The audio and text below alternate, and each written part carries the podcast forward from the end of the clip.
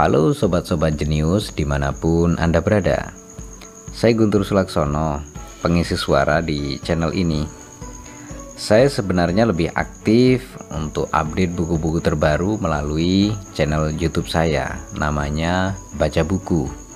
Jadi buat teman-teman yang mau menyapa saya secara langsung Atau mau request buku-buku yang ingin dibacakan, teman-teman bisa mengunjungi channel YouTube saya, namanya Baca Buku. Teman-teman bisa mengajukan request buku-buku yang ingin dibacakan atau sekedar say hello. Jadi oke okay ya teman-teman semuanya, selamat mendengarkan program audiobook Indonesia. sebuah novel dari Paulo Coelho dengan judul Sang Alkemis. Kita awali dari prolog. Sang alkemis mengambil sebuah buku yang dibawa seseorang di karavan itu. Dia membuka-buka lembar-lembarnya dan menemukan kisah tentang Narcissus. Sang alkemis tahu legenda tentang Narcissus pemuda yang setiap hari berlutut di tepi telaga untuk memandang-mandangi keelokannya sendiri. Dia begitu terpesona oleh dirinya hingga suatu pagi terjatuhlah dia ke dalam telaga itu dan tenggelam. Di tempat dia jatuh, tumbuh sekuntum bunga yang dinamai Narcissus. Tetapi si pengarang buku tidak menutup ceritanya sampai di situ. Dia berkata bahwa ketika Narsisus mati, dewi-dewi hutan itu muncul dan mendapati air telaga yang semula tawar telah berubah menjadi asin oleh air mata. "Mengapa kau menangis?" Dewi-dewi itu bertanya. "Aku menangis untuk Narsisus," sahut telaga itu. "Ah, tak heran kau menangisi Narsisus." Mereka berkata, Sebab walaupun kami selalu mengejarnya di dalam hutan, hanya kau yang dapat memandangi keelokannya dari dekat. Tapi sungguhkah Narsisus elok? Tanya telaga itu. Siapa yang lebih tahu kalau bukan dirimu? Para dewi menyahut dengan heran. Bukankah setiap hari dia berlutut di tepianmu untuk mengagumi dirinya sendiri? Sesaat telaga itu terdiam, akhirnya dia berkata, Aku memang menangisi Narcissus, tapi aku tak pernah memperhatikan apakah benar dia elok. Aku menangis karena setiap kali dia berlutut di tepianku, aku bisa melihat pantulan keelokanku sendiri di kedalaman matanya. Sungguh, kisah yang sangat indah, pikir sang alkemis. Bagian 1 Anak laki-laki itu bernama Santiago. Senja sudah menjelang ketika dia tiba bersama kawanan domba-dombanya di sebuah gereja yang terbengkalai. Atap gereja itu sudah runtuh lama berselang dan sebotong dan sebatang pohon sikamor yang sangat besar tumbuh di tempat sakristi pernah berdiri. Anak itu memutuskan bermalam di sana. Dia memastikan seluruh kawanan dombanya masuk melalui pintu pagar yang sudah rusak Kemudian dipalangnya pagar itu dengan beberapa potong papan agar domba-dombanya tidak melarikan diri di malam hari. Tidak ada serigala di daerah tersebut, tapi pernah ada dombanya yang tersesat di malam hari, dan keesokan harinya si anak lelaki harus mencarinya sepanjang hari. Disapunya lantai dengan jaketnya, lalu dia merebahkan diri berbantalkan buku yang baru selesai dibacanya. Dalam hati, dia meniatkan diri akan mulai membaca buku-buku yang lebih tebal. Buku-buku tebal habisnya lebih lama dan lebih enak dijadikan bantal. Masih gelap ketika dia terbangun. Dia menengadah dan melihat bintang-bintang melalui atap yang sudah setengah hancur itu. Aku ingin tidur lagi sebentar, pikirnya. Malam itu, Mimpi yang sama kembali dialaminya seperti minggu lalu. Dan kali ini pun dia terjaga sebelum mimpi itu berakhir. Dia bangkit dan mengambil tongkatnya kemudian mulai membangunkan domba-domba yang masih tidur. Dia memperhatikan bahwa begitu dia terbangun, sebagian besar dombanya juga mulai terjaga. Seolah-olah ada daya misterius yang menautkan hidupnya dengan hidup domba-domba itu yang telah bersama-sama dengannya selama dua tahun belakangan ini. Yang telah digembalanya menyusuri pedesaan, mencari makanan dan air. Mereka sudah begitu terbiasa denganku, sehingga tahu jadwalku, gumamnya. Tapi setelah dipikir-pikir, bisa jadi justru sebaliknya. Dialah yang terbiasa dengan jadwal mereka. Tapi ada beberapa dombanya yang agak susah dibangunkan. Si anak lelaki menyodok mereka satu persatu dengan tongkatnya, sambil memanggil nama masing-masing domba. Sejak dulu dia yakin sekali domba-domba ini memahami perkataannya. Jadi, ada kalanya dia membacakan pada mereka bagian-bagian buku-buku yang berkesan baginya, atau diceritakannya pada mereka kesunyian serta kebahagiaan yang dialami pengembala di padang-padang. Kadang-kadang dia juga berkomentar pada mereka mengenai hal-hal yang dilihatnya di desa-desa yang mereka lewati. Tapi selama beberapa hari belakangan ini hanya satu yang dia bicarakan pada domba-dombanya.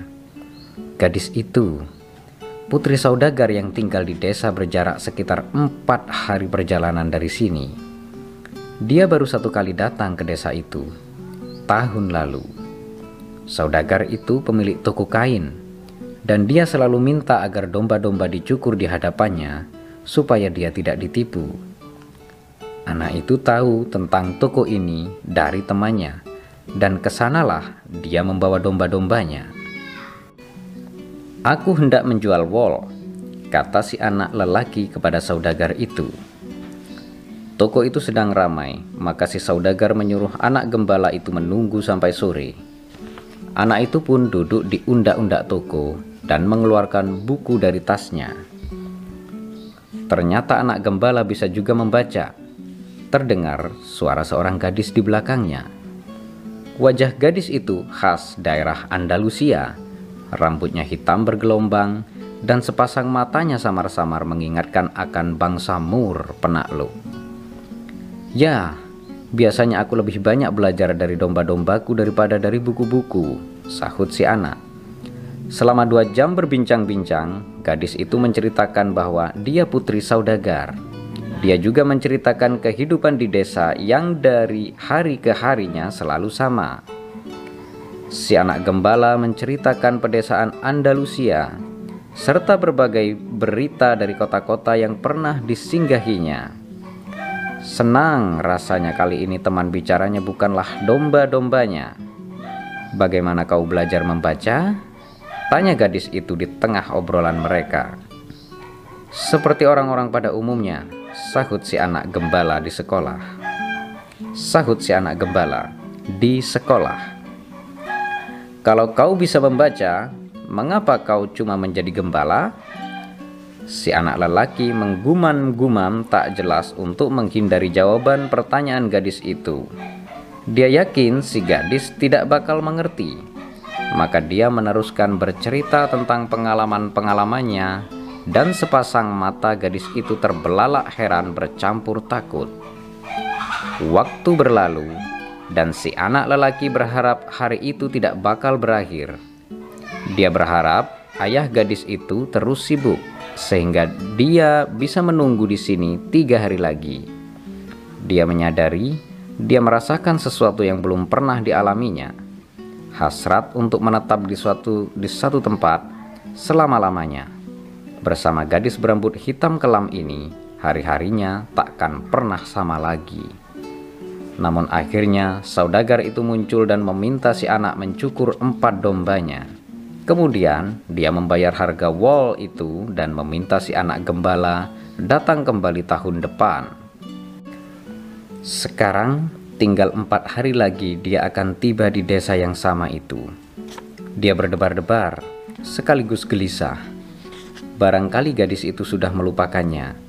Banyak gembala lewat di situ menjual wol mereka. Tidak apa, katanya pada domba-dombanya. Aku kenal gadis-gadis lain di tempat-tempat lain, tapi di hatinya dia tahu tidak demikian halnya. Dia juga tahu bahwa gembala, seperti halnya para pelaut dan pedagang keliling, selalu menemukan tambatan hati di suatu kota yang sanggup membuat mereka lupa akan kesenangan mengembara sesuka hati. Fajar mulai merekah, dan si anak gembala menggiring domba-dombanya ke arah matahari terbit. Domba-domba ini tidak perlu membuat keputusan apa pun, pikirnya. Mungkin itu sebabnya mereka selalu dekat-dekat aku. Yang penting bagi domba-domba itu hanyalah makanan dan air. Selama si anak bisa menceritakan padang-padang rumput terbaik di Andalusia, domba-domba itu akan menjadi teman-temannya. Ya, hari-hari mereka selalu sama. Jam demi jam yang seakan tak ada habisnya antara saat matahari terbit dan terbenam. Mereka tidak pernah membaca buku di usia muda mereka dan tidak mengerti kalau anak itu menceritakan pemandangan-pemandangan di kota-kota. Mereka puas sekedar mendapatkan makanan dan air, dan sebagai imbalannya, dengan murah hati mereka memberikan wol mereka, persahabatan mereka, dan sesekali daging mereka. Andai hari ini aku menjadi monster dan memutuskan membunuh mereka satu persatu, mereka baru akan menyadarinya saat sebagian besar kawanan ini sudah terbantai. Pikir anak gembala itu. Mereka mempercayaiku, dan mereka sudah lupa bagaimana mengandalkan insting-insting mereka sendiri, sebab akulah yang menggiring mereka untuk mendapatkan makanan. Anak itu merasa terkejut dengan pikiran-pikirannya sendiri Barangkali gereja dengan pohon sikamor di dalamnya itu ada hantunya. Barangkali itu sebabnya dia mengalami mimpi yang sama untuk kedua kali. Barangkali itu pula yang menyebabkan dia merasa marah pada teman-teman setianya ini. Dia minum sedikit anggur yang tersisa dari makan malamnya kemarin dan dirapatkannya jaketnya ke badannya. Beberapa jam lagi, saat matahari mencapai titik puncak, hawa akan sangat panas dan dia tak akan bisa mengembalakan kawanan dombanya di padang-padang. Pada saat-saat demikian, seluruh penduduk Spanyol tidur selama musim panas. Hawa panas itu berlangsung hingga menjelang malam, dan dia harus membawa jaketnya sepanjang waktu itu. Hampir saja dia mengeluhkan beratnya jaket itu, namun kemudian dia teringat. Berkat jaket itulah dia bisa mengatasi dinginnya hawa subuh. Kita harus siap menghadapi perubahan, pikirnya, dan dia bersyukur memiliki jaket tebal dan berat itu. Jaket itu memiliki tujuan, begitu pula si anak lelaki. Tujuan hidupnya adalah berkelana. Setelah satu tahun menjelajahi kawasan Andalusia, dia sudah tahu semua kota di daerah tersebut. Pada kunjungan kali ini, dia berniat menjelaskan pada gadis itu bagaimana asal mula anak gembala yang sederhana ini bisa membaca. Dia pernah masuk seminari hingga berusia 16 tahun. Kedua orang tuanya ingin dia jadi pastor, agar dia bisa menjadi kebanggaan keluarga mereka yang hanya petani sederhana. Mereka harus bekerja keras sekedar untuk bisa makan dan minum, sama seperti domba-domba itu. Dia pernah belajar bahasa Latin, Spanyol, dan teologia. Akan tetapi sejak masih kanak-kanak, dia sudah ingin tahu tentang dunia. Dan baginya ini lebih penting daripada mengenal Tuhan dan mempelajari dosa-dosa manusia. Suatu siang, ketika sedang mengunjungi keluarganya, dia memberanikan diri mengatakan pada ayahnya bahwa dia tidak ingin menjadi pastor. Dia ingin berkelana. Orang-orang dari seluruh dunia pernah melewati desa ini, Nak, kata ayahnya. Mereka datang untuk mencari hal-hal baru. Tapi ketika pergi lagi, sebenarnya mereka sama saja seperti saat mereka datang. Mereka mendaki gunung untuk melihat kastil itu, dan mereka menyimpulkan bahwa masa lalu lebih baik daripada masa sekarang. Orang-orang ini ada yang berambut pirang atau berkulit gelap, tapi pada dasarnya mereka sama dengan orang-orang yang tinggal di desa ini. Tapi aku ingin melihat kastil-kastil di kota-kota asal mereka, si anak lelaki menjelaskan. Saat melihat negeri kita, orang-orang ini juga mengatakan ingin tinggal di sini selamanya. Ayahnya melanjutkan, Aku juga ingin melihat negeri mereka serta cara hidup mereka, sahut anaknya. Orang-orang yang datang kemari itu punya uang banyak sehingga mereka mampu bepergian, kata ayahnya. Di kalangan kita hanya para gembala yang berkelana. Kalau begitu, aku mau jadi, aku mau menjadi penggembala saja. Ayahnya tidak berkata-kata lagi. Keesokan harinya, dia memberikan pada putranya kantong berisi tiga mata uang emas Spanyol kuno. Dulu aku menemukan ini di ladang. Aku ingin ini menjadi bagian warisanmu, tapi gunakanlah untuk membeli ternak. Bawalah mereka ke padang-padang, dan suatu hari nanti akan kau sadari negeri kitalah yang paling subur, dan perempuan-perempuan kitalah yang paling cantik. Lalu dia pun memberikan restu kepada putranya. Di mata ayahnya, sang anak melihat hasrat untuk berkelana juga ke seluruh dunia, dan hasrat ini masih tetap hidup.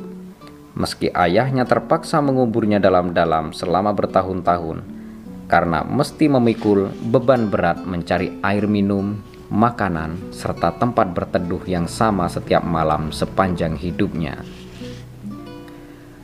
Cakrawala menyemburatkan warna merah, dan sekonyong-konyong matahari muncul. Si anak lelaki teringat percakapan dengan ayahnya dan merasa bahagia.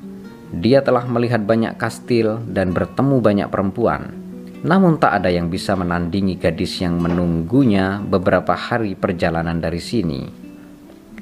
Dia punya jaket, buku yang bisa ditukarnya dengan buku lain, dan kawanan dombanya tapi yang paling penting dia dapat menjalani mimpinya setiap hari.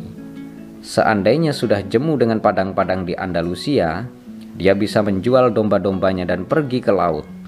Andai dia sudah jenuh dengan laut, tentunya dia tahu banyak tentang kota-kota lain, perempuan-perempuan lain, dan kesempatan-kesempatan lain yang membahagiakan. Aku tak bisa menemukan Tuhan di seminari, pikirnya sambil menatap matahari terbit. Sedapat mungkin dia mencari jalan baru untuk berkelana. Dia belum pernah masuk ke gereja yang sudah hancur itu. Meski telah berkali-kali dia melewati daerah ini, dunia ini begitu luas tak terbatas. Dia tinggal membiarkan domba-dombanya menentukan arah sendiri untuk beberapa waktu, dan dia pasti menemukan hal-hal menarik. Tapi domba-domba ini sama sekali tidak menyadari bahwa setiap hari mereka menempuh jalan baru mereka tidak melihat bahwa padang-padangnya baru dan musim datang silih berganti. Mereka hanya peduli tentang makanan dan air. Barangkali kita semua seperti itu, pikir si anak lelaki. Bahkan aku, aku tidak pernah memikirkan perempuan lain sejak berjumpa dengan putri saudagar itu. Dia memandang matahari dan memperkirakan dia akan sampai di Tarifa sebelum tengah hari. Di sana dia bisa menukar bukunya dengan yang lebih tebal, mengisi botol anggurnya, bercukur, dan pergi memotong rambut. Dia harus mempersiapkan diri untuk bertemu gadis ini. Dia tidak mau membayangkan kemungkinan ada gembala lain yang punya domba-domba lebih banyak, tiba lebih dulu di sana dan meminang gadis itu. Yang membuat hidup ini menarik adalah kemungkinan untuk mewujudkan impian menjadi kenyataan pikirnya sambil lagi-lagi memperhatikan posisi matahari. Kemudian dia mempercepat langkahnya. Sekonyong-konyong dia teringat di Tarifa ada perempuan tua yang bisa menafsirkan mimpi. Perempuan tua itu membawa si anak lelaki ke ruangan di bagian belakang rumahnya. Ruangan itu dipisahkan oleh tirai manik-manik berwarna-warni dari ruang tamunya. Perabot di ruangan itu adalah sebuah meja sebuah patung hati kudus Yesus, dan dua buah kursi. Perempuan itu duduk. Si anak lelaki juga disuruhnya duduk. Kemudian digenggamnya kedua tangan anak itu, dan dia mulai berdoa tanpa suara. Kedengarannya seperti doa orang Gipsi. Si anak lelaki pernah punya pengalaman di jalan dengan orang-orang Gipsi. Mereka juga pengelana, tapi mereka tidak punya kawanan domba Kata orang, orang-orang Gipsi suka menipu. Konon mereka juga punya perjanjian dengan setan. Mereka suka menculik anak-anak yang kemudian dibawa ke tenda-tenda misterius mereka untuk dijadikan budak. Ketika masih kecil, si anak lelaki suka ketakutan setengah mati kalau-kalau dia ditangkap oleh orang-orang Gipsi. Rasa takut ini kembali menyergapnya ketika perempuan tua itu menggenggam kedua tangannya. Tapi dia punya hati kudus Yesus di sana, pikir si anak, mencoba menenangkan dirinya sendiri. Dia tidak ingin tangannya mulai gemetaran, sehingga perempuan tua itu tahu dia ketakutan. Dalam hati, dia memanjatkan doa Bapa kami. Menarik sekali, kata perempuan itu tanpa melepaskan tatapannya dari kedua tangan si anak. Kemudian dia terdiam. Anak itu menjadi gugup. Kedua tangannya mulai gemetar dan perempuan itu bisa merasakannya. Si anak cepat-cepat menarik kedua tangannya. Aku kemari bukan untuk minta garis-garis tanganku dibaca, katanya. Belum apa-apa, dia menyesal sudah datang kemari. Sesaat dia berniat membayar saja perempuan itu, lalu pergi tanpa minta diberitahu apa-apa. Dia merasa telah berlebihan menganggap penting mimpinya yang berulang itu. Kau datang kemari karena ingin tahu arti mimpi-mimpimu itu, kata si perempuan tua. Mimpi-mimpi adalah bahasa Tuhan. Kalau Tuhan berbicara dalam bahasa kita, aku dapat menafsirkan apa yang dikatakannya. Tapi bahasa apa pun yang dia gunakan, aku akan minta bayaran untuk jasaku ini. Tipuan lagi, pikir si anak tapi dia memutuskan untuk mengambil resiko tersebut. Gembala selalu mengambil resiko dengan serigala dan musim kemarau. Itulah yang membuat kehidupan gembala jadi menarik. Aku sudah dua kali mendapatkan mimpi yang sama, kata si anak. Dalam mimpiku, aku ada di padang bersama domba-dombaku. Tahu-tahu muncul seorang anak kecil dan dia mulai bermain-main dengan binatang-binatangku. Aku tidak suka kalau ada yang berbuat begitu, sebab domba-domba itu takut pada orang asing. Tapi anak-anak selalu bisa mengajak mereka bermain tanpa mereka jadi takut. Entah kenapa, aku tidak tahu bagaimana binatang bisa tahu umur manusia. Ceritakan lebih banyak tentang mimpimu, kata perempuan itu. Aku mesti meneruskan memasak, dan berhubung uangmu tidak banyak, Aku tidak bisa memberimu banyak waktu.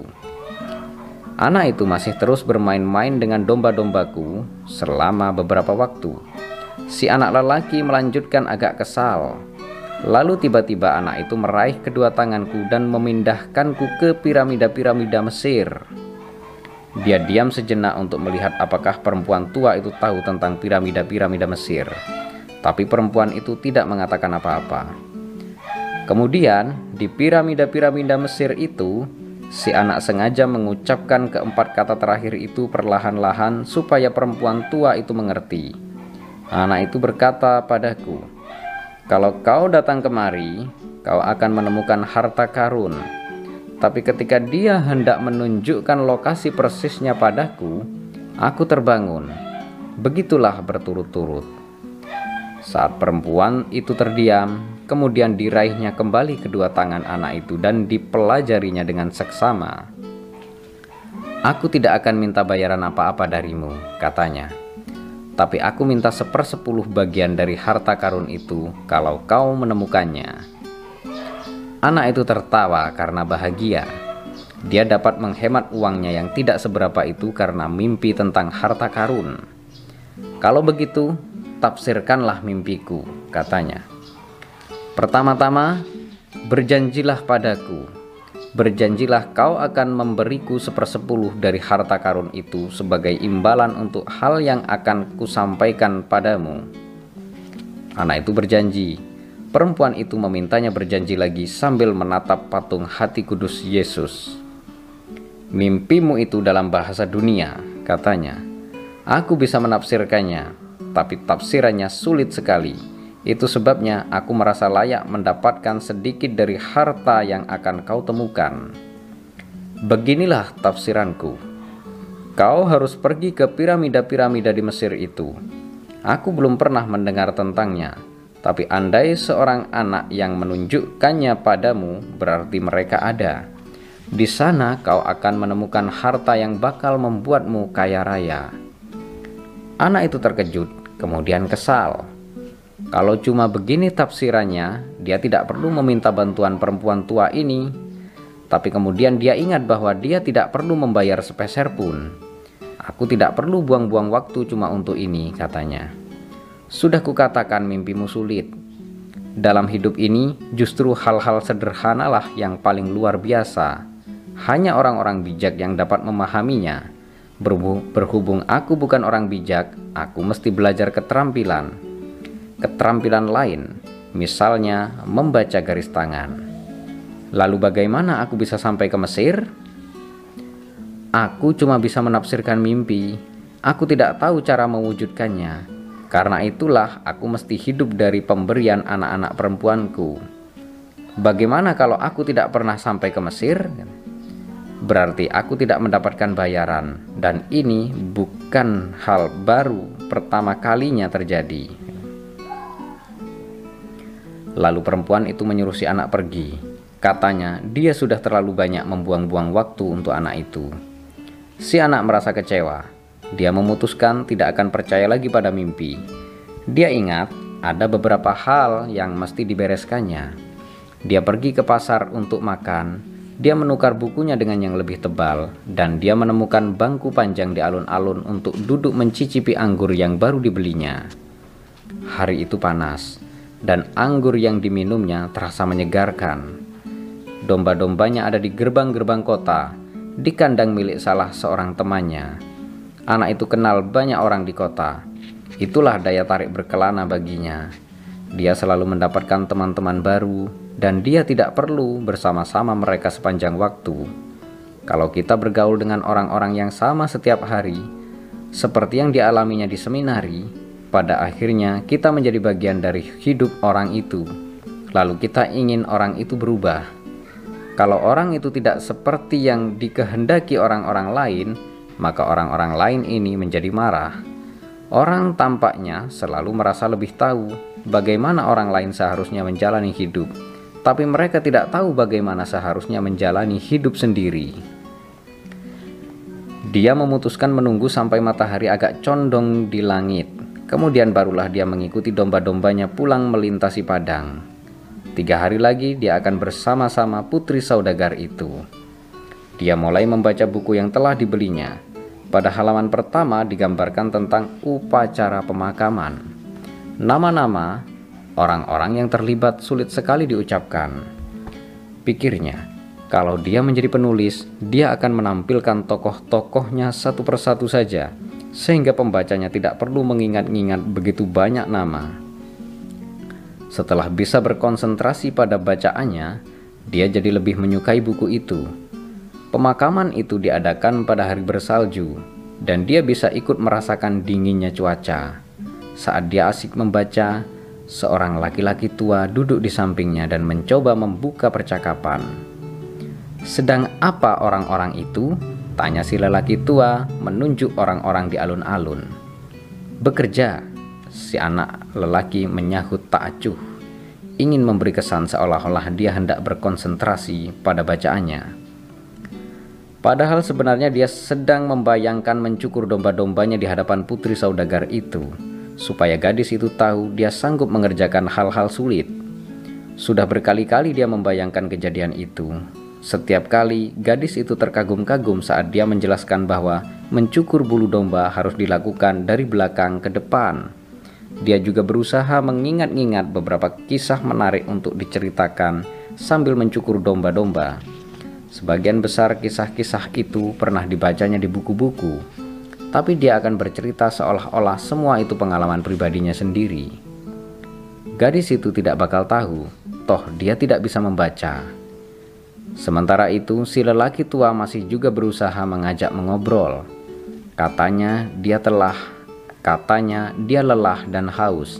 Jadi, bolehkah dia mencicipi sedikit anggur anak itu? Si anak menyodorkan botolnya dan berharap laki-laki tua itu tidak mengusiknya lagi. Akan tetapi, orang tua itu ingin mengobrol. Dia bertanya, "Buku apa yang sedang dibaca anak itu?" Si anak tergoda untuk bertindak kasar dan pindah ke bangku lain. Tapi oleh ayahnya, dia diajari menghormati orang-orang yang lebih tua. Maka ditunjukkannya bukunya pada orang tua itu. Karena dua alasan. Pertama, dia sendiri tidak tahu cara mengucapkan judul buku itu. Kedua, kalau orang tua itu tidak bisa membaca, barangkali dia jadi malu dan dengan sendirinya pindah ke bangku lain. Hmm, kata si orang tua sambil mengamati buku itu dari berbagai sisi, seakan-akan buku itu benda aneh. Ini buku penting, tapi sangat menjengkelkan. Anak itu kaget sekali. Orang tua ini bisa membaca, dan jelas dia sudah membaca buku ini. Kalau benar buku ini menjengkelkan seperti katanya, si anak masih bisa menukarnya dengan buku lain. Isi buku ini sama dengan isi hampir semua buku lain di dunia. Orang tua itu melanjutkan, dalam buku ini digambarkan ketidakmampuan orang memilih takdir mereka sendiri. Dan pada akhirnya dikatakan bahwa setiap orang percaya akan dusta terbesar di dunia. Apakah gerangan dusta terbesar itu? Tanya si anak lelaki. Dia benar-benar terkejut. Beginilah dusta terbesar itu. Bahwa pada satu titik dalam hidup kita, kita kehilangan kendali atas apa yang terjadi pada kita, dan hidup kita jadi dikendalikan oleh nasib. Demikianlah dusta terbesar itu. Itu tidak pernah terjadi padaku, kata si anak lelaki. Orang tuaku ingin aku menjadi pastor, tapi aku memutuskan menjadi gembala. Begitu jauh lebih baik, kata si orang tua. Sebab kau memang suka berkelana. Dia tahu pikiranku, kata si anak dalam hati. Sementara itu, si orang tua membolak-balik buku tersebut. Kelihatannya tidak berniat mengembalikannya. Si anak baru menyadari pakaian orang tua ini aneh. Dia seperti orang Arab, bukannya tidak biasa di daerah tersebut. Afrika hanya beberapa jam perjalanan jauhnya dari Tarifa. Tinggal menyeberangi selat-selat sempit dengan perahu, orang-orang Arab sering kelihatan di kota itu berbelanja dan melafalkan doa-doa aneh mereka beberapa kali sehari. Dari mana asal Anda? Tanya si anak lelaki. Dari banyak tempat. Tidak ada orang yang berasal dari banyak tempat, kata si anak. Aku seorang gembala dan aku sudah menjelajahi banyak tempat, tapi asalku hanya dari satu tempat, kota di dekat sebuah kastil kuno. Di sanalah aku dilahirkan. Kalau begitu, kita anggap saja aku lahir di Salem. Si anak tidak tahu di mana kota Salem itu, tapi dia tidak mau bertanya, takut kelihatan bodoh. Sesaat dia memandangi orang-orang di alun-alun itu. Mereka berlalu lalang, semuanya tampak sangat sibuk. Jadi seperti apa kota Salem itu? Tanyanya, mencoba mengorek sedikit petunjuk. Seperti yang dulu-dulu juga, belum ada petunjuk. Tapi dia tahu kota Salem ini tidak berada di Andalusia. Kalau ya, dia pasti sudah mendengarnya. Apa pekerjaan Anda di Salem? desanya. Apa pekerjaanku di Salem? Orang tua itu tertawa. Aku Raja Salem. Orang memang suka bicara yang tidak-tidak, pikir si anak. Kadang-kadang lebih enak bersama domba-domba yang tidak pernah mengatakan apa-apa, dan lebih enak lagi sendirian saja bersama buku-buku. Buku-buku memaparkan cerita-cerita yang luar biasa saat kita ingin mendengarnya. Sementara itu, orang-orang suka membicarakan hal-hal yang sangat aneh sampai-sampai kita tidak tahu bagaimana mesti meneruskan percakapan. Namaku Malkisedek, kata orang tua itu. Berapa banyak domba-dombamu? Cukup banyak, sahut si anak. Rupanya laki-laki tua ini ingin tahu lebih banyak tentang kehidupannya. Kalau begitu, kita punya masalah. Aku tidak bisa menolongmu kalau kau merasa sudah punya cukup banyak domba. Anak itu mulai jengkel. Bukankah dia tidak meminta bantuan? Justru orang inilah yang tadi minta diberi sedikit anggur, kemudian mengajaknya mengobrol. Kembalikan bukuku, kata si anak. Aku mesti mengumpulkan domba-dombaku, lalu meneruskan perjalanan. Beri aku sepersepuluh dari domba-dombamu, kata si laki-laki tua, dan akan kuberitahukan kepadamu cara menemukan harta karun itu. Anak itu teringat mimpinya, dan sekonyong-konyong semuanya menjadi jelas.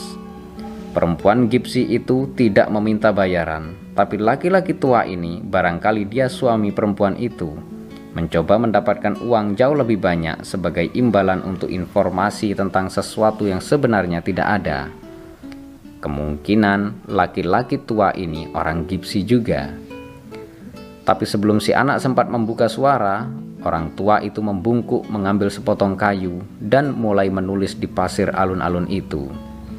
Sesuatu yang cemerlang memancar dari dadanya.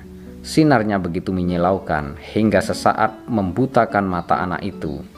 Dengan gerakan-gerakan sangat gesit untuk ukuran orang seusianya, laki-laki tua itu menutupi sesuatu tersebut dengan jubahnya. Setelah penglihatan si anak kembali normal, dia bisa membaca apa yang ditulis orang tua itu di pasir. Di sana, di pasir alun-alun kota kecil itu, si anak membaca nama-nama ayah ibunya dan nama seminari tempat dia bersekolah dulu. Dia juga membaca nama putri saudagar itu yang bahkan belum diketahuinya, serta hal-hal lain yang tidak pernah diceritakan pada siapa pun. Aku Raja Salem, kata orang itu tadi. Mengapa raja mau berbicara dengan anak gembala? Tanya si anak dengan takjub bercampur malu. Karena beberapa alasan, tapi anggap saja yang paling penting karena kau telah berhasil menemukan takdirmu. Anak itu tidak mengerti apa yang dimaksud dengan takdir seseorang. Takdir adalah apa yang selalu ingin kau capai. Semua orang ketika masih muda tahu takdir mereka pada titik kehidupan itu, segalanya jelas, segalanya mungkin. Mereka tidak takut bermimpi, mendambakan segala yang mereka inginkan terwujud dalam hidup mereka. Tapi dengan berlalunya waktu, ada daya misterius yang mulai meyakinkan mereka bahwa mustahil mereka bisa mewujudkan takdir itu. Si anak sama sekali tidak memahami ucapan orang tua itu, tapi dia ingin tahu apa yang dimaksud dengan daya misterius itu? Putri sang saudagar pasti terkesan kalau dia menceritakan hal ini. Daya ini adalah kekuatan yang kelihatannya negatif, tapi sebenarnya menunjukkan kepadamu cara mewujudkan takdirmu. Daya ini mempersiapkan rohmu dan kehendakmu, sebab ada satu kebenaran maha besar di planet ini. Siapa pun dirimu, apa pun yang kau lakukan, kalau engkau sungguh-sungguh menginginkan sesuatu, itu karena hasrat tersebut bersumber dari jiwa jagat raya. Itulah misimu di dunia ini. Walaupun yang ku, walaupun yang kuinginkan hanyalah berkelana atau menikah dengan putri si saudagar kain, ya, atau bahkan mencari harta karun. Jiwa dunia dihidupi oleh kebahagiaan orang-orang juga oleh ketidakbahagiaan, rasa iri, dan cemburu. Satu-satunya kewajiban sejati manusia adalah mewujudkan takdirnya, semuanya satu adanya. Dan saat engkau menginginkan sesuatu, seluruh jagat raya bersatu padu untuk membantumu meraihnya. Sesaat mereka sama-sama terdiam, mengamati alun-alun serta orang-orang kota itu. Akhirnya, laki-laki tua itu berkata, Mengapa engkau menjadi penggembala domba-domba? Karena aku senang berkelana. Laki-laki tua itu menunjuk tukang roti yang berdiri di balik jendela tokonya di salah satu sudut alun-alun. Ketika masih kanak-kanak, orang itu juga ingin berkelana, tapi dia memutuskan pertama-tama akan membuka toko roti, lalu mengumpulkan uang. Nanti, kalau sudah tua, dia ingin bepergian selama sebulan ke Afrika. Dia tidak menyadari orang bisa melaksanakan impiannya kapan saja. Mestinya dulu dia memutuskan menjadi gembala saja, kata si anak. Itu pernah terlintas dalam pikirannya, kata laki-laki tua itu. Tapi menjadi tukang roti lebih dihargai daripada menjadi gembala. Tukang roti mempunyai rumah, sementara gembala tidur di alam terbuka. Para orang tua lebih suka anak mereka menikah dengan tukang roti daripada dengan gembala.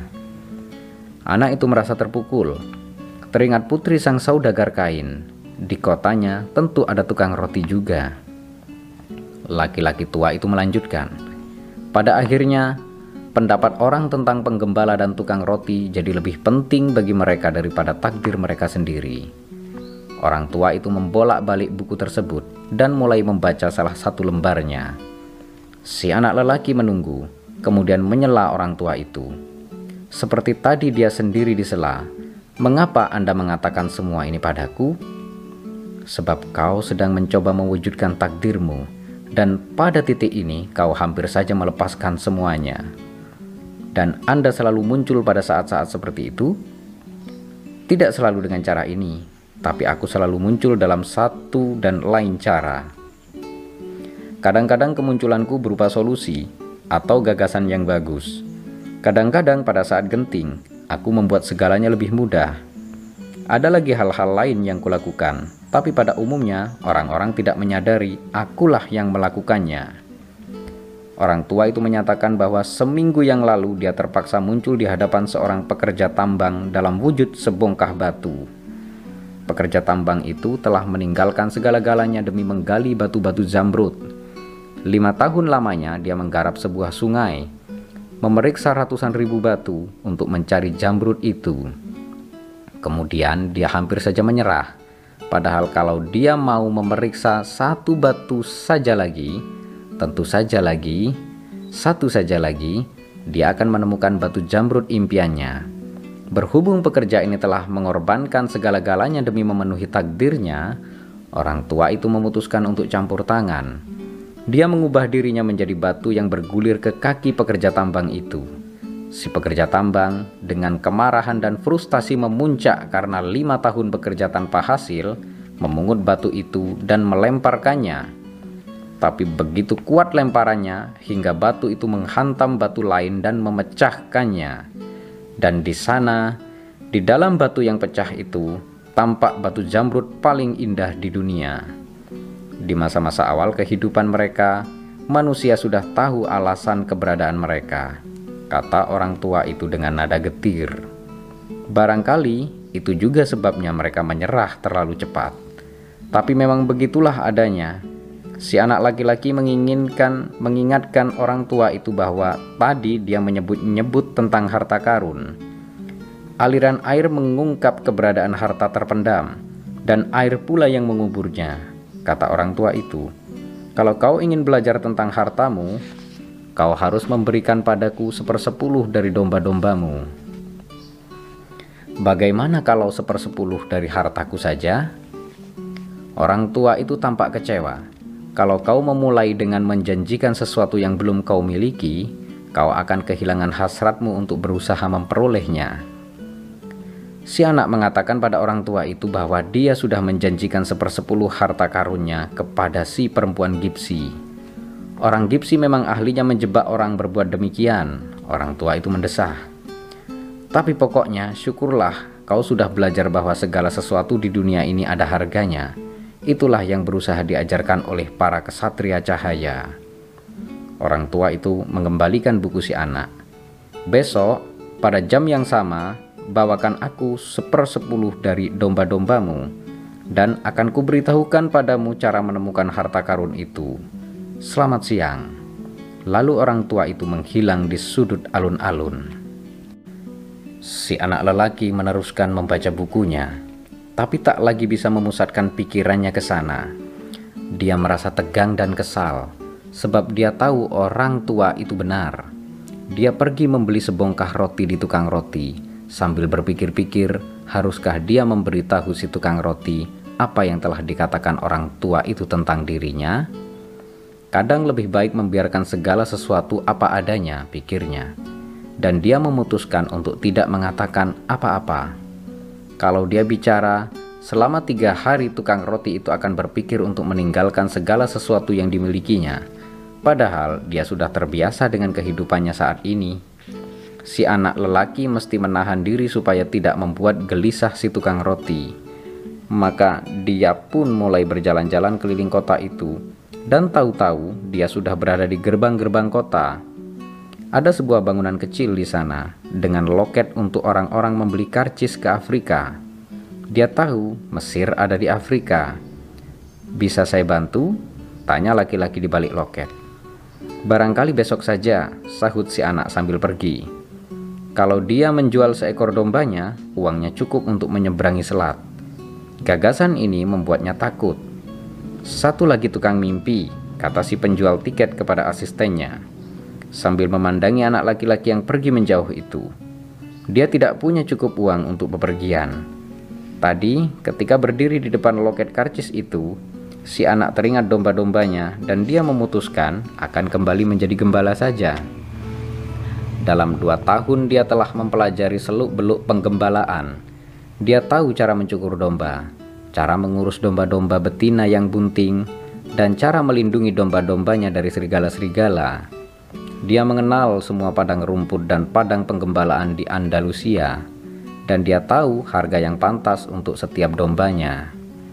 Dia memutuskan kembali ke kandang milik temannya dengan mengambil rute paling jauh. Ketika melewati kastil di kota itu, dia menyimpang sejenak dari tujuannya dan menampaki jalan menanjak berbatu sampai ke puncak tembok. Dari sana dia bisa melihat Afrika di kejauhan. Pernah ada yang mengatakan padanya, dari sanalah asalnya bangsa Mur yang kemudian menaklukkan seluruh Spanyol. Dari tempatnya duduk, dia bisa melihat hampir seantero kota itu, termasuk alun-alun tempat dia berbincang-bincang dengan si orang tua Terkutuklah saat aku bertemu orang tua itu, pikirnya. Dia datang ke kota untuk mencari perempuan yang bisa menafsirkan mimpi-mimpinya. Tapi perempuan itu dan si orang tua sama sekali tidak terkesan akan profesinya sebagai gembala. Mereka orang-orang penyendiri yang tidak lagi percaya apa pun dan tidak mengerti bahwa gembala lambat laun makin terikat dengan domba-dombanya. Dia tahu segala sesuatu tentang masing-masing dombanya dia tahu domba-domba mana saja yang pincang, mana yang dua bulan lagi akan beranak, dan mana saja yang paling malas. Dia tahu cara mencukur mereka, juga cara menyembelih mereka. Mereka pasti akan menderita seandainya dia memutuskan untuk meninggalkan mereka. Tiupan angin mulai kencang, dia mengenal jenis angin ini. Orang-orang menyebutnya lavender Sebab dengan menunggangi angin inilah bangsa Mur datang dari Levan yang berada di ujung timur Mediterania. Lavender itu semakin kencang dan aku ada di sini di antara domba-domba dan harta karun itu, pikir si anak lelaki. Dia harus memilih antara cara hidup yang telah begitu dikenalnya dan sesuatu yang ingin dimilikinya. Belum lagi putri saudagar itu, tapi gadis itu tidaklah sepenting domba-dombanya sebab gadis itu tidak bergantung padanya. Barangkali gadis itu bahkan tidak ingat lagi padanya. Si anak gembala yakin bagi gadis itu tidaklah penting hari apa dia datang. Baginya, setiap hari sama saja, dan kalau setiap hari terasa sama saja, itu karena orang-orang tidak menyadari hal-hal indah yang terjadi dalam hidup mereka setiap hari. Seiring terbitnya matahari, telah kutinggalkan ayahku ibuku dan kastil kota itu. Mereka telah terbiasa jauh dariku, begitu pula aku. Domba-domba ini juga akan terbiasa dengan ketidakhadiranku, pikir si anak. Dari tempatnya duduk, dia bisa mengamati alun-alun. Orang-orang masih terus keluar masuk di toko roti, di toko si tukang roti. Ada pasangan muda duduk di bangku panjang tempat dia berbincang-bincang dengan orang tua itu, dan mereka berciuman tukang roti itu. Si anak berbicara sendiri tanpa menyelesaikan pikirannya. Angin levanter masih terus bertiup, semakin kencang. Embusan kuatnya menerpa wajah si anak. Angin itulah yang telah membawa bangsa Mur kemari. Ya, tapi angin itu pula yang telah membawa aroma padang pasir serta perempuan-perempuan bercadar. Bersamanya, angin itu pun telah membawa keringat serta mimpi-mimpi orang-orang yang dulu pernah mengembara mencari hal-hal yang belum diketahui, emas dan petualangan, serta piramida-piramida itu. Si anak lelaki merasa iri pada angin yang bertiup bebas, namun disadarinya dia pun bisa sebebas angin. Tak ada yang menahannya kecuali dirinya sendiri. Domba-dombanya Putri Sang Saudagar dan padang-padang Andalusia hanyalah bagian dari rute yang ditempuhnya dalam perjalanannya menggapai takdirnya. Keesokan harinya, anak itu menemui si orang tua pada tengah hari. Dia membawa enam ekor dombanya. Aku heran, kata si anak. Domba-dombaku yang lain langsung dibeli oleh temanku. Katanya sejak dulu dia ingin menjadi gembala, dan kedatanganku merupakan pertanda bagus. Memang begitulah selalu, kata si orang tua. Itu namanya hukum keberuntungan. Orang yang baru pertama kali main kartu hampir selalu menang. Keberuntungan pemula. Kenapa begitu? Sebab ada daya yang menghendaki engkau mewujudkan takdirmu. Kau dibiarkan mencicipi sukses untuk menambah semangatmu. Kemudian si orang tua mulai memeriksa domba-domba itu. Dilihatnya salah seekor ternyata pincang Si anak menjelaskan bahwa itu tidak penting sebab domba-domba ini justru yang paling cerdas di antara lain-lainnya dan menghasilkan wol paling banyak. Di mana harta karun itu berada? Tanya si anak. Di Mesir, di dekat piramida-piramida. Anak itu terperanjat. Perempuan Gipsi itu juga berkata demikian, tapi dia tidak memungut bayaran sepeser pun. Supaya menemukan harta karun itu, kau harus mengikuti pertanda-pertanda yang diberikan Tuhan telah menyiapkan jalan yang mesti dilalui masing-masing orang. Kau tinggal membaca pertanda-pertanda yang ditinggalkannya untukmu. Sebelum si anak sempat menjawab, seekor kupu-kupu terbang di antara dirinya dan orang tua itu. Dia pun teringat ucapan kakeknya. Kupu-kupu merupakan pertanda bagus, seperti jangkrik dan ekspektasi-ekspektasi, seperti kadal dan daun semanggi berhelai empat Benar sekali, kata si orang tua, yang rupanya bisa membaca pikiran si anak. Persis seperti diajarkan kakekmu, semua ini pertanda bagus.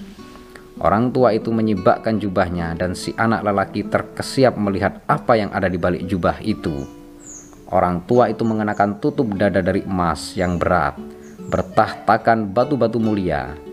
Anak itu teringat cahaya cemerlang yang menyilaukan matanya kemarin. Orang tua ini benar-benar seorang raja. Tentunya dia menyamar supaya tidak menjadi sasaran para pencuri. Ambil ini, kata orang tua itu, sambil mengeluarkan sebutir batu putih dan batu hitam dari bagian tengah tutup dadanya.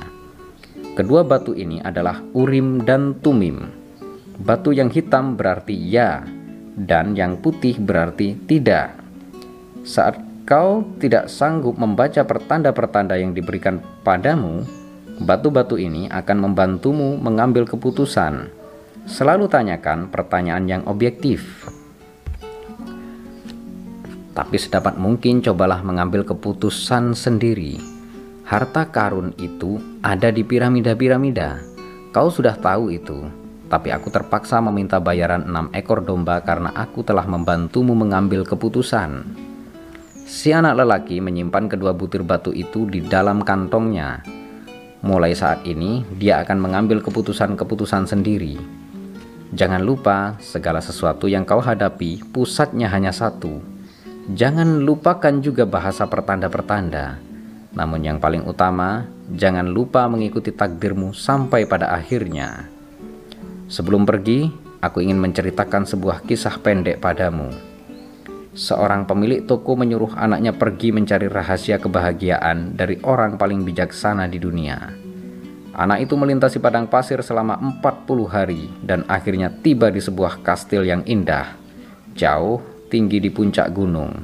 Di sanalah orang bijak itu tinggal. Namun ketika dia memasuki aula kastil itu, si anak muda bukannya menemukan orang bijak tersebut, melainkan melihat kesibukan besar di dalamnya para pedagang berlalu lalang, orang-orang bercakap-cakap di sudut-sudut, dan orkestra kecil sedang memainkan musik lembut.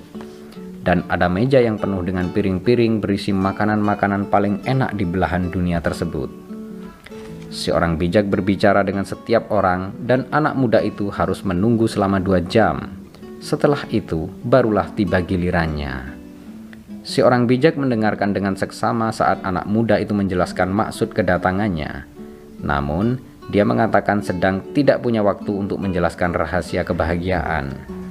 Dia menyarankan anak muda itu melihat-lihat sekeliling istana dan kembali ke sini dua jam lagi. Sementara itu, aku punya tugas untukmu, kata si orang bijak. Diberikannya pada si anak muda sendok teh berisi dua tetes minyak. Sambil kau berjalan-jalan, bawa sendok ini, tapi jangan sampai minyaknya tumpah. Anak muda itu pun mulai berkeliling-keliling naik turun sekian banyak tangga istana sambil matanya tertuju pada sendok yang dibawanya. Setelah dua jam, dia kembali ke ruangan tempat orang bijak itu berada.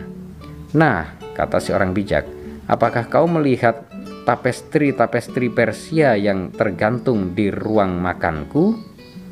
Bagaimana dengan taman hasil karya ahli taman yang menghabiskan 10 tahun untuk menciptakannya? Apa kau juga melihat perkamen-perkamen indah di perpustakaanku? Anak muda itu merasa malu. Dia mengakui bahwa dia tidak sempat melihat apa-apa. Dia terlalu terfokus pada usaha menjaga minyak di sendok itu supaya tidak tumpah. Kalau begitu, pergilah lagi berjalan-jalan dan nikmatilah keindahan-keindahan istanaku, kata si orang bijak. Tak mungkin kau bisa mempercayai seseorang kalau kau tidak mengenal rumahnya. Merasa lega, anak muda itu mengambil sendoknya dan kembali menjelajahi istana tersebut. Kali ini, dia mengamati semua karya seni di langit-langit dan tembok-tembok. Dia menikmati taman-taman, gunung-gunung di sekelilingnya, keindahan bunga-bunga, serta cita rasa yang terpencar dari segala sesuatu di sana. Ketika kembali menghadap orang bijak itu, diceritakannya dengan mendetail segala pemandangan yang telah dilihatnya. Tapi di mana tetes-tetes minyak yang kupercayakan padamu itu? Tanya si orang bijak. Si anak muda memandang sendok di tangannya dan menyadari dua tetes minyak itu sudah tidak ada. Nah, hanya ada satu nasihat yang bisa kuberikan untukmu, kata orang paling bijak itu. Rahasia kebahagiaan adalah dengan menikmati segala hal menakjubkan di dunia ini tanpa pernah melupakan tetes-tetes air di sendokmu. Si anak gembala terdiam. Dia memahami maksud cerita yang dituturkan raja tua ini. Seorang gembala boleh saja bepergian, tapi dia tak boleh lupa akan domba-dombanya. Orang tua itu memandang si anak, kemudian dengan dua tangan terkatup dia membuat beberapa gerakan entah apa di atas kepala anak itu. Setelah itu, dia pun pergi membawa domba-dombanya. Di bagian kota yang paling tinggi di Tarifa, ada benteng tua yang dibangun bangsa Mur. Dari puncak tembok-temboknya, orang bisa melihat sedikit benua Afrika. Malkisedek, Raja Salem itu duduk di atas tembok benteng tersebut sore itu, merasakan tiupan angin lavender menerpa wajahnya. Domba-dombanya gelisah di dekatnya, masih merasa asing dengan majikan baru mereka, dan tidak tenang oleh perubahan besar ini.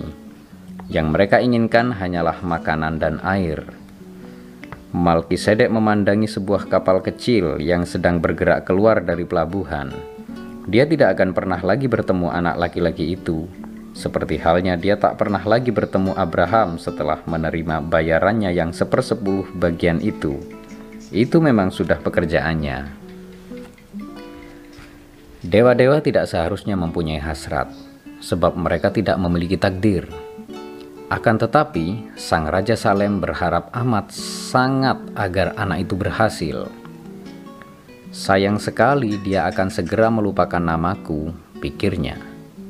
Mestinya kukatakan lagi padanya, supaya kalau dia bercerita tentangku, akan dikatakannya aku adalah Malkisedek, Raja Salem.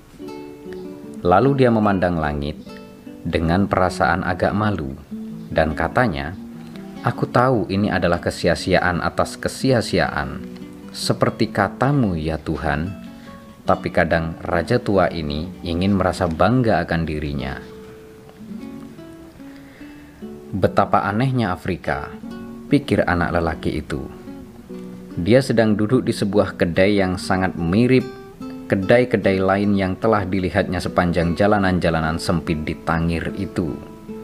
Beberapa laki-laki tampak merokok dari sebuah pipa raksasa yang mereka edarkan dari satu orang ke orang lain Baru beberapa jam di sini, dia telah melihat sesama laki-laki berjalan saling bergandeng tangan, perempuan-perempuan bercadar, dan imam-imam yang memanjat ke puncak-puncak menara-menara, lalu melantunkan doa. Orang-orang di sekitarnya langsung berlutut dan menyentuhkan dahi ke tanah. Praktek orang-orang kafir, si anak lelaki berkata dalam hati. Ketika masih kecil, di gereja dia selalu memandangi patung Santo Santiago Matamoros yang duduk di atas kuda putihnya dengan pedang terhunus. Sementara orang-orang seperti yang dilihatnya sekarang ini berlutut di kaki sang orang suci. Anak itu merasa sesak dan sangat kesepian. Orang-orang kafir ini memancarkan kesan jahat. Selain itu, karena terdorong oleh semangat ingin segera bepergian, dia melupakan satu detil, hanya satu, yang bisa menjadi penghalang baginya dalam mencari harta karun itu. Di negeri ini, orang-orangnya hanya berbahasa Arab. Pemilik kedai itu mendekatinya, dan si anak lelaki menunjuk minuman yang ada di meja sebelah. Ternyata itu teh pahit. Anak itu memilih minum anggur saja.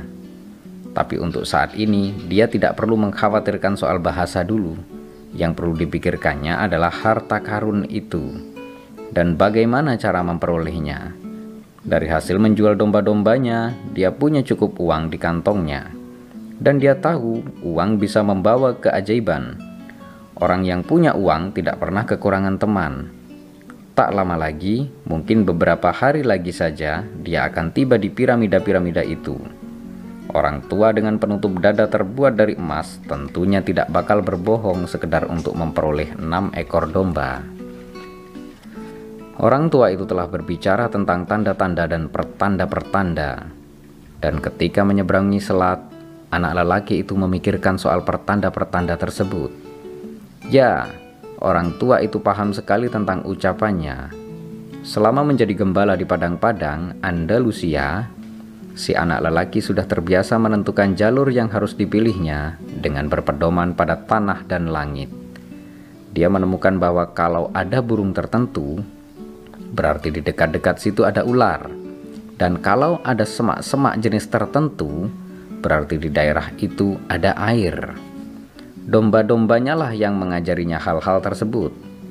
Kalau Tuhan membimbing domba-domba dengan begitu baik, tentunya Dia juga akan membimbing manusia, pikir si anak. Dia juga merasa lebih tenang, tehnya jadi tidak terlalu pahit lagi. Kau siapa? Seseorang bertanya padanya dalam bahasa Spanyol. Anak itu merasa lega. Dia baru saja berpikir tentang pertanda-pertanda dan tahu-tahu ada orang mendatanginya. Bagaimana kau bisa berbicara bahasa Spanyol? Tanyanya. Pemuda yang mendatanginya itu mengenakan setelan barat, tapi warna kulitnya menunjukkan dia penduduk asli kota ini. Usianya kira-kira sebaya dengan si anak lelaki, tingginya juga tidak terlalu jauh berbeda. Hampir semua orang di sini bisa berbahasa Spanyol. Spanyol cuma dua jam perjalanan dari sini. Duduklah, akan kutraktir kau makan, kata si anak lelaki. Dan tolong mintakan segelas anggur untukku. Aku tidak suka teh ini. Tidak ada anggur di negeri ini, sahut si pemuda. Agama di sini melarang anggur. Kemudian si anak lelaki mengatakan bahwa dia hendak pergi ke piramida-piramida itu. Dia juga hampir saja bercerita tentang harta karunnya, namun kemudian mengurungkannya. Kalau dia bercerita, jangan-jangan pemuda Arab ini akan minta bagian sebagai upah mengantarnya ke sana. Dia teringat omongan orang tua itu tentang menawarkan sesuatu yang belum lagi menjadi milik kita. Kalau bisa, aku ingin minta kau mengantarku ke sana. Aku akan membayarmu sebagai penunjuk jalanku. Kau sudah tahu cara untuk sampai ke sana? Tanya si pemuda. Si anak lelaki melihat pemilik kedai itu berdiri tidak jauh dari mereka, mendengarkan percakapan mereka dengan penuh perhatian. Dia merasa tidak nyaman dengan kehadiran orang itu. Tapi dia telah menemukan penunjuk jalan dan tidak ingin kehilangan kesempatan ini. Kau harus melintasi gurun Sahara, kata si pemuda. Dan untuk itu kau perlu uang. Aku mesti tahu dulu apakah uangmu cukup. Si anak lelaki merasa pertanyaan ini aneh tapi dia percaya pada ucapan orang tua itu bahwa kalau kau sungguh-sungguh menginginkan sesuatu, seisi jagat raya pasti akan bersatu padu untuk membantumu. Maka dikeluarkannya uangnya dari kantong dan ditunjukkannya pada pemuda itu. Si pemilik kedai menghampiri mereka dan ikut melihat. Kedua laki-laki itu saling berbicara sedikit dalam bahasa Arab, dan si pemilik kedai tampak kesal. "Ayo kita keluar dari sini," ajak si pemuda. Dia menyuruh kita pergi. Si anak lelaki merasa lega. Dia bangkit berdiri untuk membayar minumannya, tapi si pemilik kedai mencengkeramnya dan mulai melontarkan serangkaian kata dalam nada marah. Anak itu kuat dan ingin melawan, tapi dia orang asing di sini. Teman barunya mendorong si pemilik kedai dan menarik anak itu keluar. Dia menginginkan uangnya, katanya. Tangir tidak seperti wilayah-wilayah Afrika yang lain. Ini kota pelabuhan, dan di setiap pelabuhan selalu ada pencuri. Si anak lelaki percaya pada teman barunya ini. Pemuda ini telah menolongnya keluar dari situasi berbahaya. Anak itu mengeluarkan uangnya dan menghitungnya. Besok kita sudah sampai ke piramida-piramida itu, kata si pemuda sambil mengambil uang tersebut. Tapi aku harus membeli dua ekor unta dulu. Mereka menyusuri jalanan-jalanan sempit Tangir bersama-sama. Di mana-mana tampak kios-kios yang menjual berbagai barang mereka tiba di pusat sebuah alun-alun sangat luas yang dijadikan pasar. Ribuan orang tumpah ruah di sana, berdebat, berjualan, dan berbelanja. Sayur mayur dijual di antara pisau-pisau belati, karpet-karpet dipajang sederetan dengan tembakau. Tapi si anak lelaki tak sedikit pun mengalihkan mata dari teman barunya, sebab seluruh uangnya ada di tangan pemuda itu. Sebenarnya dia hendak meminta uangnya dikembalikan, tapi takut tindakannya dianggap tidak ramah. Apalagi dia tidak tahu apa-apa mengenai adat istiadat di negeri asing ini. Akan kuawasi saja dia, katanya dalam hati. Toh dia lebih kuat daripada temannya ini. Sekonyong-konyong di, di tengah keramaian itu, dia melihat sebilah pedang yang sangat indah. Sarung pedang itu berlapis perak, Gagangnya berwarna hitam dan dihiasi batu-batu permata. Si anak berjanji pada dirinya sendiri akan membeli pedang itu nanti sepulangnya dari Mesir. Tanyakan pada pemilik kios, berapa harga pedang itu? Katanya pada temannya. Namun kemudian disadarinya bahwa selama beberapa saat tadi perhatiannya telah teralihkan pada pedang itu, jantungnya serasa menciut, seperti ditekan mendadak oleh dadanya dia takut menolehkan kepala sebab dia tahu apa yang akan dilihatnya. Maka dia pun meneruskan memandangi pedang itu selama beberapa saat sampai dia punya cukup keberanian untuk menoleh. Di sekitarnya hanya ada kesibukan pasar itu dengan orang-orang yang berlalu lalang, berseru-seru, berbelanja, serta aroma makanan-makanan yang asing baginya. Namun teman barunya sama sekali tidak kelihatan batang hidungnya. Si anak ingin percaya bahwa temannya itu terpisah darinya tanpa sengaja. Maka dia memutuskan untuk tetap di situ, menunggu temannya kembali. Ketika dia sedang menunggu, seorang imam naik ke puncak menara di dekat sana dan mulai melantunkan doanya. Semua orang di pasar itu berlutut, menyentuhkan dahi ke tanah, dan ikut melantunkan doa tersebut. Kemudian, seperti sekawanan semut pekerja, mereka membongkar kios-kios lalu pergi. Matahari juga mulai tenggelam. Anak lelaki itu memandangi pergeserannya selama beberapa saat, sampai matahari tersembunyi di balik rumah-rumah putih di sekeliling alun-alun. Dia teringat pagi tadi ketika matahari terbit dia masih berada di benua lain, masih menjadi anak gembala yang memiliki 60 ekor domba dan hendak bertemu seorang gadis. Pagi tadi dia sudah tahu segala sesuatu yang akan dialaminya, sementara dia melintasi padang-padang yang sudah begitu dikenalnya.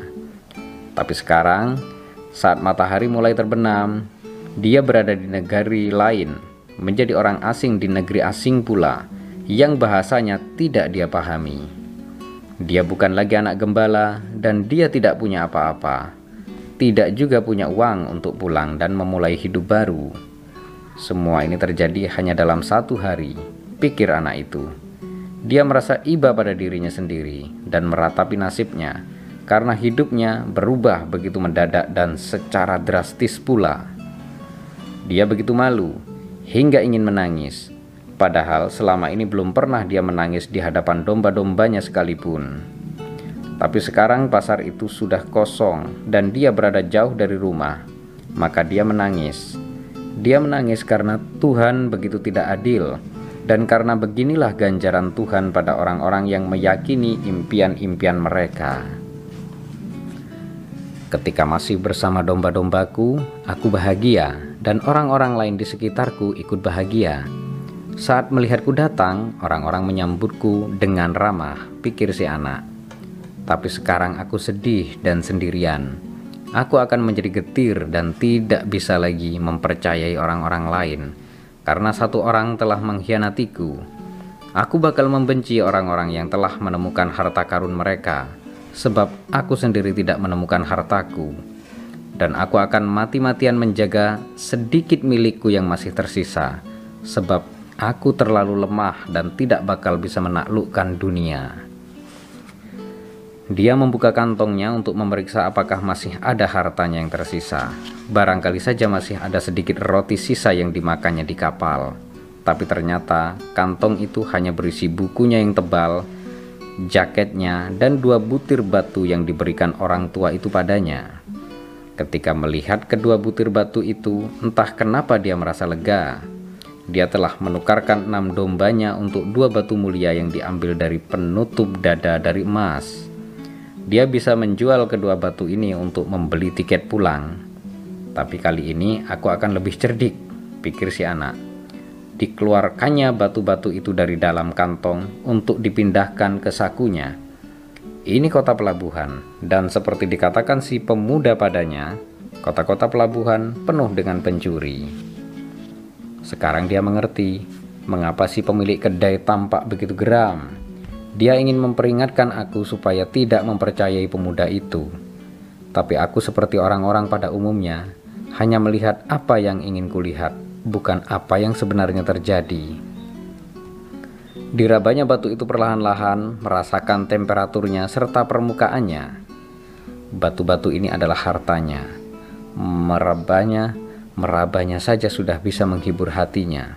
Batu-batu ini mengingatkan pada orang tua itu kalau kau menginginkan sesuatu, seluruh jagat raya bersatu padu membantumu mendapatkannya, kata orang tua itu. Si anak laki-laki mencoba memahami kebenaran ucapan orang tua itu. Saat ini dia berada di pasar yang kosong melompong, tanpa uang sepeser pun, tanpa satu pun domba untuk dijaga sepanjang malam. Namun batu-batu ini menjadi bukti bahwa dia telah bertemu seorang raja raja yang mengetahui tentang masa lalunya. Batu-batu ini disebut Urim dan Tumim, dan mereka bisa membantumu membaca pertanda-pertanda. Si anak memasukkan kembali kedua batu itu ke dalam kantongnya dan memutuskan untuk menguji keampuhannya.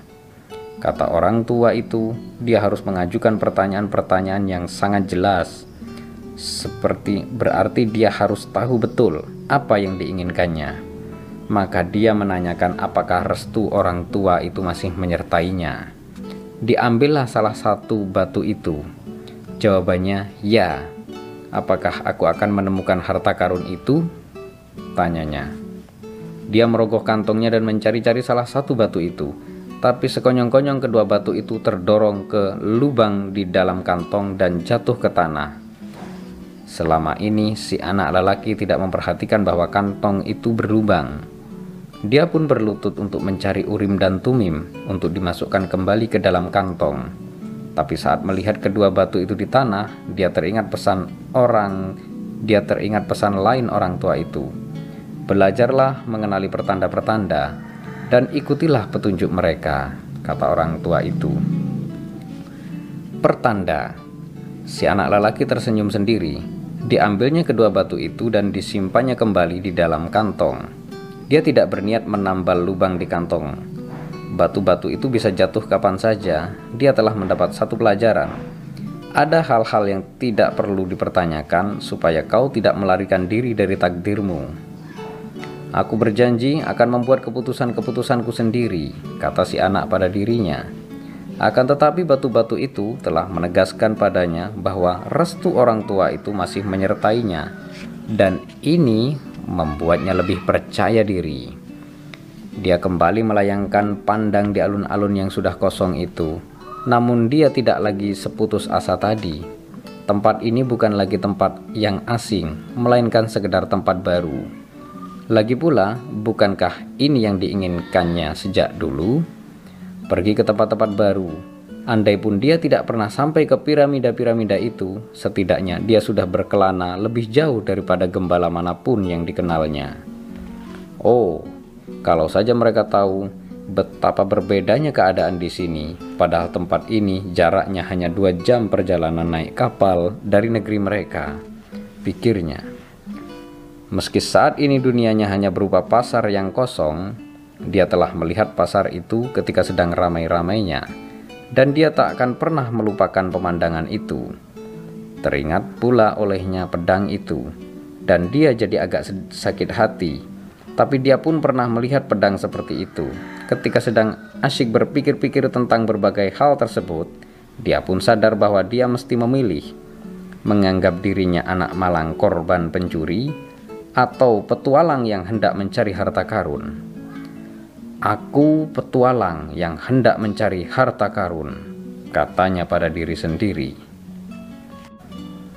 Dia tersentak, bangun dari tidurnya, seolah-olah ada yang membangunkannya.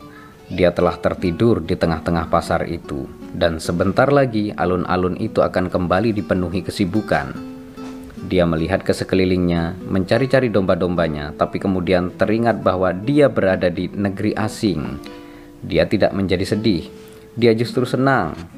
Dia tidak perlu lagi mencarikan makanan dan air untuk domba-dombanya. Dia bisa bebas berkelana mencari harta karunnya, dia tak punya uang sepeser pun, tapi dia punya keyakinan. Semalam dia sudah memutuskan akan menjadi seperti tokoh-tokoh petualang yang dikaguminya di buku-buku. Dia berjalan perlahan-lahan, melihat-lihat pasar itu. Para pedagang sedang mendirikan tenda-tenda kios mereka, dan si anak lelaki membantu seorang penjual gula-gula mendirikan tendanya. Penjual gula-gula itu bekerja dengan tersenyum. Dia bahagia sadar betul akan hidup yang dijalaninya, dan dia siap memulai pekerjaan hari ini. Senyumannya mengingatkan si anak pada orang tua itu, raja tua misterius yang telah dijumpainya. Penjual gula-gula ini membuat gula-gula bukan karena ingin berkelana atau menikahi putri pemilik toko, melainkan karena inilah tujuan hidupnya, pikir si anak. Dia menyadari bahwa dia pun bisa seperti orang tua itu, merasakan apakah seseorang masih jauh atau sudah dekat dengan takdirnya. Nah, cukup dengan melihat, mudah sekali, tapi aku belum pernah melakukannya, pikirnya. Setelah tendanya terpasang, si penjual gula-gula menawari si anak gula-gula pertama yang dibuatnya hari itu. Si anak mengucapkan terima kasih memakan gula-gula itu, dan meneruskan perjalanan. Belum jauh dia berjalan, mendadak dia menyadari. Tadi, ketika sedang mendirikan tenda kios itu, si penjual gula-gula berbicara bahasa Arab, sementara dia sendiri berbahasa Spanyol. Tapi mereka bisa saling memahami dengan sempurna. Pasti ada bahasa yang tidak bergantung pada kata-kata, pikir si anak lelaki seperti ketika aku berkomunikasi dengan domba-dombaku, dan sekarang aku mengalaminya dengan manusia. Dia telah mendapatkan banyak pelajaran baru. Beberapa sudah pernah dialaminya, jadi tidak benar-benar baru. Hanya saja, sebelumnya dia tidak menyadarinya, dan dia tidak menyadarinya karena hal-hal tersebut sudah terlalu biasa dialaminya. Dia pun sadar kalau aku bisa belajar memahami bahasa yang tidak memerlukan kata-kata ini, aku juga bisa belajar memahami dunia. Dengan santai dan tidak tergesa-gesa, dia memutuskan akan menyusuri jalanan-jalanan sempit di Tangir. Hanya dengan cara itu, dia bisa membaca pertanda-pertanda. Dia tahu ini membutuhkan kesabaran tinggi, tapi semua gembala tahu betul pentingnya kesabaran. Sekali lagi, dia melihat bahwa di negeri asing ini dia akan menerapkan pelajaran-pelajaran yang telah diperolehnya bersama domba-dombanya. segala sesuatu satu adanya, seperti telah dikatakan orang tua itu padanya. Pedagang kristal itu terbangun dan merasakan kegelisahan yang sama. Seperti biasanya setiap pagi, sudah 30 tahun dia tinggal di sini, di tokonya yang berada di ujung jalan berbukit yang hanya dilewati sedikit orang. Sekarang sudah terlambat untuk mengubah apa pun satu-satunya keahliannya adalah berjual beli barang-barang kristal. Dulu tokonya dikenal banyak orang, saudagar-saudagar Arab, geolog-geolog Prancis dan Inggris, tentara-tentara Jerman yang selalu memakai sepatu-sepatu bagus. Dulu usaha berdagang kristal terasa menyenangkan, dan dia suka membayangkan dirinya menjadi kaya, didampingi perempuan-perempuan cantik saat dia beranjak tua. Tapi dengan berlalunya waktu, Tangir ikut berubah. Kota Ceuta yang berada di, dekat, di dekatnya berkembang lebih pesat daripada Tangir. Dan perdagangan di sana mulai mengalami kemunduran. Para tetangga berpindah rumah dan yang tersisa hanyalah beberapa toko kecil di bukit. Tidak bakal ada orang yang mau mendaki bukit sekedar untuk melihat-lihat beberapa toko kecil. Tapi pedagang kristal itu tidak punya pilihan Selama 30 tahun dia berjual beli barang-barang kristal dan sekarang sudah terlambat untuk berganti profesi. Sepanjang pagi itu dia mengamati jalanan yang tidak banyak orang berlalu lalang. Sudah bertahun-tahun dia melakukannya dan dia tahu jadwal setiap orang yang lewat. Tapi persis sebelum jam makan siang, seorang anak lelaki berhenti di depan tokonya. Pakaiannya biasa saja, tapi dengan matanya yang terlatih, si pedagang kristal tahu anak itu tidak punya uang untuk dibelanjakan. Namun, pedagang itu memutuskan untuk menunda makan siangnya sampai anak itu pergi. Kartu yang tergantung di ambang pintu menyatakan pemilik toko itu bisa berbicara dalam beberapa bahasa. Si anak melihat seorang lelaki muncul di balik konter Aku bisa membersihkan gelas-gelas di jendela itu. Kalau Anda mau, kata si anak. Kalau keadaannya seperti itu, tidak bakal ada yang tertarik membeli. Laki-laki itu memandangi saja, tidak menjawab. Sebagai imbalannya, aku hanya perlu makan. Orang itu masih juga diam, dan si anak lelaki merasa dia bakal terpaksa membuat keputusan. Di dalam kantongnya ada jaketnya, dia tidak bakal membutuhkan jaket itu di padang pasir. Itu sudah pasti. Maka dikeluarkannya jaketnya dan dia mulai membersihkan kaca-kaca jendela. Dalam setengah jam semua kaca jendela sudah dibersihkannya. Dan sementara dia bekerja, dua pengunjung masuk ke toko itu dan membeli beberapa kristal. Setelah selesai membersihkan jendela, si anak lelaki meminta makanan pada pemilik toko.